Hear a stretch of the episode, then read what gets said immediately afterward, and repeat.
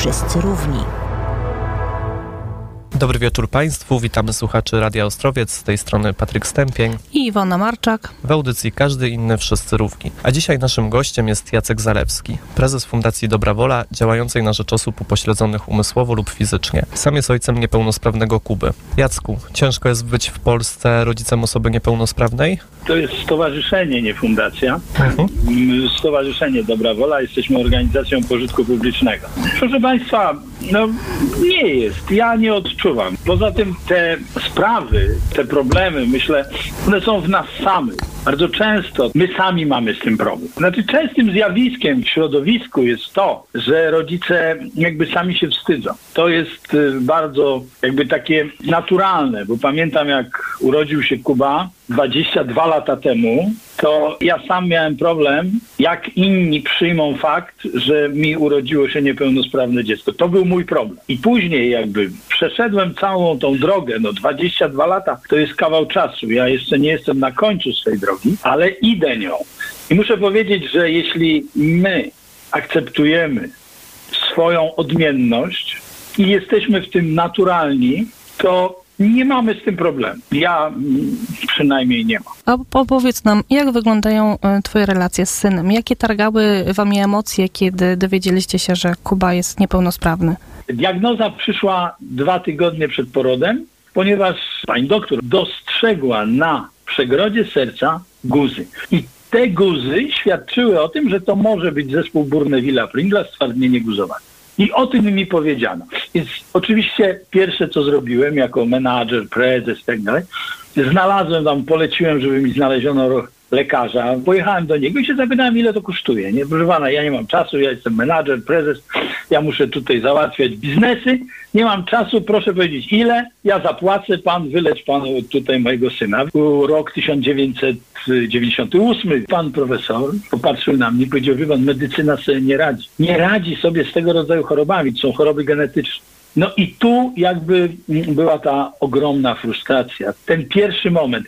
Mieliśmy różne myśli samobójcze też nawet. Rodzice różnie reagują. Bardzo często jest tak, rodziny się rozpadają, bo jeden na drugiego zwala, że to twoja wina. Szukamy jakby zastępczych powodów. De facto to jest potężna trauma. To jest najtrudniejszy moment. Długo by mówić, co się czuje, i jakie myśli człowiekiem targają. Na pewno każdym inne. Każdy sobie zadaje jedno pytanie. Dlaczego to mnie spotkało? Kurczę, nie mogło kogoś innego. Dlaczego mnie? I później jest z, jakby za chwilę druga rzecz. To na pewno nieprawda. Oni się pomylili. Jeszcze gdzieś tam ktoś mówi, co się tam jakiś uzdrowiciel jest, wiesz, jakiś cudotwórca. Idź do niego, daj mu tam te parę złotych, co on chce. On wyleczy twojego dzieciaka. Ja byłem u Harisa. Nic to nie pomogło. Kuba ma 22 lata i jest coraz bardziej niepełnosprawny. A czy państwo wspiera osoby niepełnosprawne i w jaki sposób? To jest bardzo ogólne pytanie. No państwo z racji swego istnienia, no państwo jest y, jakby instytucją, organizacją. Oczywiście, że tak, tylko pytanie jest, czy struktury państwa mają wystarczająco dobrą wiedzę do tego, aby prawidłowo wspierać. Często słyszymy, ja słyszę, pełniąc też różne funkcje w tymże państwie, że my tu przeznaczamy na niepełnosprawnych ileś tam pieniędzy. My tu organizujemy dla niepełnosprawnych różne rzeczy. Nie zawsze to, co organizują urzędnicy, to, co podejmują urzędnicy, jest adekwatne do rzeczywistych potrzeb, które środowisko, opiekunowie i osoby niepełnosprawne potrzebują. Powiem tak, na samym początku drogi Czyli kiedy pojawia się niepełnosprawność, kiedy dowiadujemy się, że nasze dziecko będzie niepełnosprawne, dotyczy to mm, jakby faktu urodzenia, ale również tej sytuacji, w której ta niepełnosprawność przychodzi później. Wtedy bardziej niż dziecko pomocy potrzebują rodzice. Nie ma w tej chwili działań, które by powodowały, że państwo czy struktury samorządowe, struktury ponadsamorządowe zajmują się w sposób systemowy taką rodziną. Ja mogę powiedzieć na swoim przykładzie. Ja byłem prezesem dużej firmy. Miałem ludzi, no taki człowiek sukcesu. I nagle dowiedziałem się, że mój Kuba będzie miał ciężką chorobę genetyczną, czyli bardzo taki skomplikowany dla mnie, jak na owe czasy, zespół genetyczny, którego kompletnie nie rozumiałem. To jest moment, w którym powinna nastąpić pomoc nie mojemu Kubie, bo on już ma to, tylko mnie. Mnie i najbliższej rodzinie. Rzeczywiście ludzie, którzy zajmują się niepełnosprawnością, powinni posiadać większą wiedzę niż w tej chwili posiadają. To się oczywiście zmienia. To ewoluuje na przestrzeni ostatnich 22 lat i pamiętam wtedy, jak to wyglądało, no to jest progres on nie wynika z tego, że jakaś grupa jest lepiej czy, czy bardziej nastawiona do nas. To bardziej wynika z rozwoju tak zwanego społeczeństwa obywatelskiego. To bardziej wynika z faktu, że mamy internet, że otwieramy się z tą swoją niepełnosprawnością. Proszę Państwa, tolerancja to jest audycja, która jakby dotyczy tolerancji. Tolerancja będzie wtedy lepsza, kiedy poznamy ten problem tak naprawdę, kiedy wcześniej, nim mi się Kuba nie urodził, dla mnie niepełnosprawność to byli jacyś ludzie na wózkach, gdzieś tam zamknięci, którym trzeba dawać od czasu do czasu pieniądze, bo rzeczywiście to jest wielkie nieszczęście nie móc chodzić. Nie miałem kompletnie pojęcia, czym jest niepełnosprawność ponieważ ci ludzie gdzieś byli pochowani po domach, po ośrodkach. Nie było takiego przyzwolenia, być może też dlatego, że nie było odpowiednio przystosowanej przestrzeni publicznej.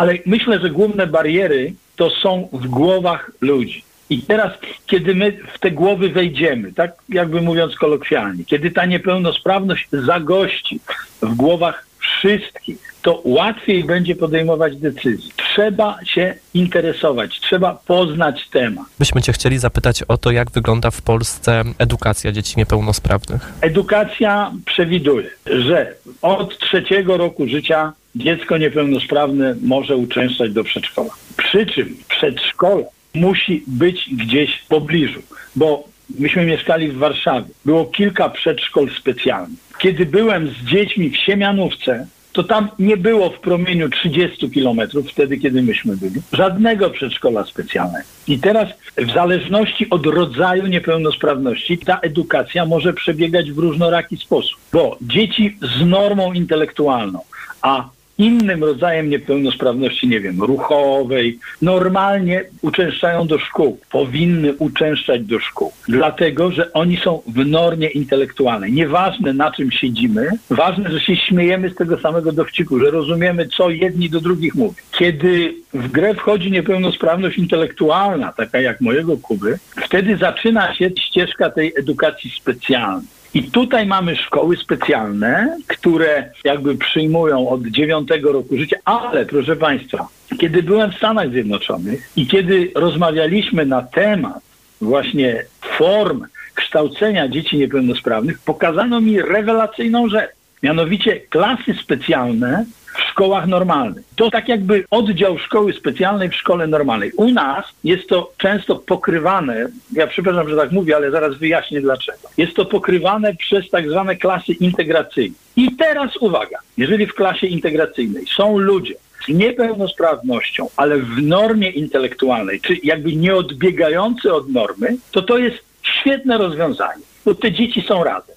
W momencie, kiedy ta norma jest wyraźnie inna, kiedy uczeń nie rozumie poleceń, nie rozumie tego, co się dzieje na lekcjach, to niestety jest problem. Bo uczeń, który nie potrafi mówić, u, uczeń, który nie potrafi zrozumieć poleceń, co on może zrobić? On może przeszkadzać innym uczniom. I tutaj, jeżeli ktoś powie, ale niech te dzieci inne jakby też się uczą, że są tacy ludzie, zgoda. Tylko właśnie to rozwiązanie za oceanu mi się osobiście bardzo spodobało. Ten prosty pomysł mnie po prostu oświecił. Ci ludzie są razem na korytarzu, na stołówce, na boisku.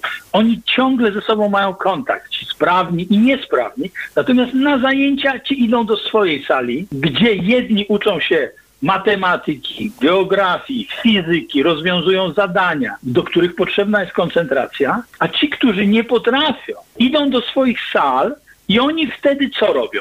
Oni malują, rysują, leżą, słuchają muzyki i kiedy kończy się lekcja, znowu wychodzą na ten sam korytarz i są blisko siebie. To jest bardzo, bardzo dobre rozwiązanie. Lepsze niż klasa integracyjna w momencie, kiedy nie ma norm. Idziemy dalej. Uczeń w klasie specjalnej, bo to znam lepiej, przechodzi wszystkie etapy edukacji, ale tak naprawdę on jest ciągle w tym samym miejscu, bo no, jest w stanie się czegoś nauczyć, ale to nie jest szkoła, która ma go wykształcić, żeby on poszedł na rynek. Kiedy ja skończyłem studia, ja miałem pewne narzędzia i mogłem pójść do pracy. Kiedy mój Kuba w wieku 25 lat skończy edukację w szkole specjalnej, on nie pójdzie do żadnej pracy. To jest wielki problem naszego systemu edu edukacyjnego, który nie dostrzega tego drobnego faktu, że nie można przykładać tej samej miary do ludzi sprawnych i niesprawnych, zwłaszcza intelektualnie. Bo nie da się wykształcić tych niepełnosprawnych in, intelektualnie w takim stopniu, żeby oni z marszu podjęli pracę. Czyli oni już skończyli szkołę, dziękujemy, system szkolny im dziękuję, idźcie sobie, radźcie sobie sami. Normalny człowiek pójdzie do pracy, niepełnosprawny intelektualnie, zwłaszcza ten głęboko, zostanie z rodzicami w domu. To jest tragedia. Należałoby na dzieci bez normy intelektualnej, na dzieci upośledzone umysłowo, popatrzeć inaczej. Oni powinni cały czas być zaopiekowani, ponieważ po pierwsze, rodzice są coraz starsi i kiedy dziecko zbliża się do 30, to rodzic bardzo często przekracza 60. I on już nie ma siły zajmować się dorosłym niepełnosprawnym, a to dziecko jest zdane wyłącznie na niego, bo brakuje rozwiązań. Warsztaty terapii zajęciowej są dla tych lekko niepełnosprawnych, którzy potrafią coś robić. Nie ma takiego konkretnego przedłużenia szkoły specjalnej dla osób, które nie są w normie. I to jest wada.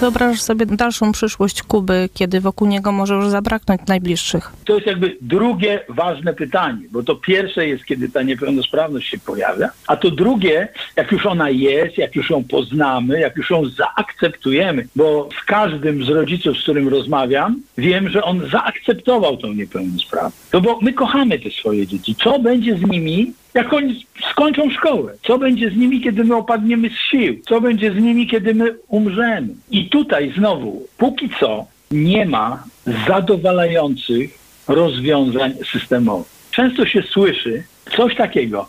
Chciałbym, chciałabym, żeby moje dziecko umarło minutę przede mną. Kiedy ja już będę na tym łożu ostatecznym, to żeby minutę przede mną, pięć minut przede mną umarł mój syn, moja córka, bo nie wyobrażam sobie, że on zostanie beze mnie i ja nie będę mógł, mogła nic dla niego zrobić. I właśnie z tych marzeń zrodził się pomysł Farmy Dobrej Woli. Inteligentnych domów dla osób niepełnosprawnych. Ja oczywiście zawsze myślałem o tej przyszłości Kuby, znaczy zawsze, od pewnego momentu. Kuba zaczął mieć 14-15 lat. Zacząłem gdzieś tam się zastanawiać, dobra, no minęło 14 lat, minie jeszcze 10 i Kuba skończy szkołę. I co wtedy? Oczywiście byłem na wyjeździe studyjnym z, w ramach Polsko-Amerykańskiej Fundacji Wolności w Stanach Zjednoczonych, gdzie mi pokazano różne rozwiązania. I później dowiedziałem się o tak zwanych kampilach, które są w Europie Zachodniej, akurat ja trafiłem do Niemiec, gdzie są takie rodzinne domy, gdzie nie rodzice z dziećmi mieszkają, ale mieszkają dorośli niepełnosprawni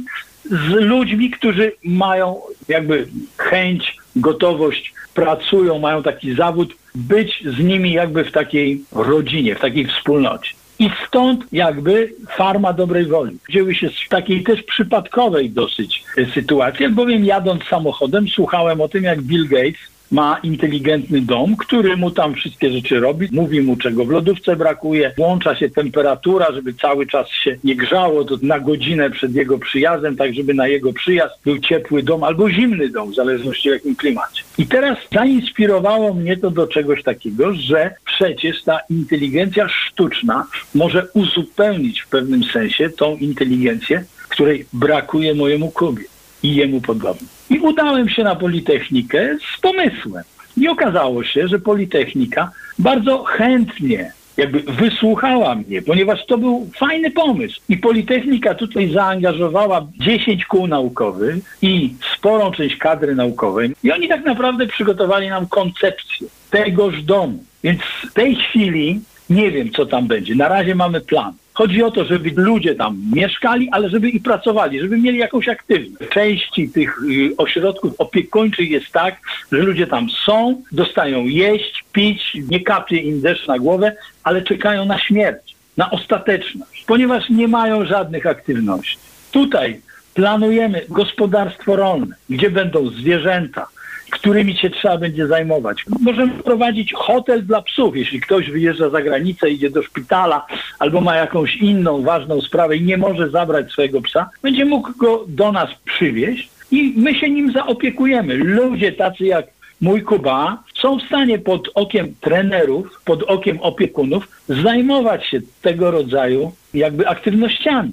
I to jest świetne rozwiązanie. Oni będą wstawać, ubierać się, jeść śniadanie, iść do pracy, w tej pracy się realizować, być szczęśliwymi i wracać z tej pracy i będą się czuli potrzebni i będą szczęśliwi. Teraz mamy plany, żeby tam palarnia kawy powstała, żeby ta farma też zarabiała na siebie. Za te usługi, na rzecz tych psów, tak jak już mówię o tym, też ludzie, którzy przyjadą, będą nam płacili. Jak będziemy wypalać kawę, czy wytwarzać dżemy, czy robić inne rzeczy, my je też będziemy sprzedawali. Tutaj dużą inspiracją dla mnie jest siostra Małgorzata Chmielecka, która niedaleko Ostrowca Świętokrzyskiego ma swoje królestwo. I kończąc już powoli naszą audycję, y, Stowarzyszenie Dobra Wola. Czy jest tak, jak śpiewał Niemen ludzi dobrej woli jest więcej, czy jednak częściej spotykacie się z hejtem, uprzedzeniami, stereotypowym myśleniem, bo o tym jest nasza audycja?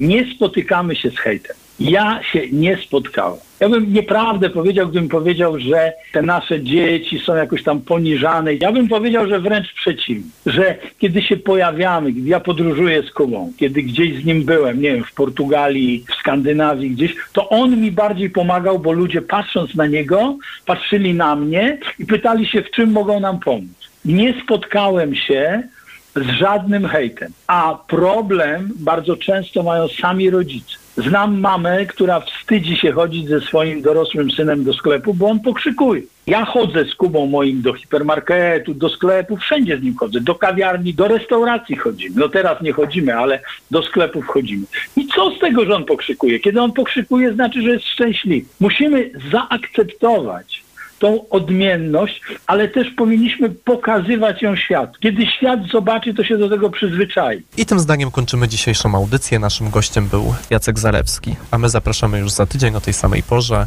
Patryk Stępień. Iwona Marczak, do usłyszenia. Każdy inny, wszyscy równi.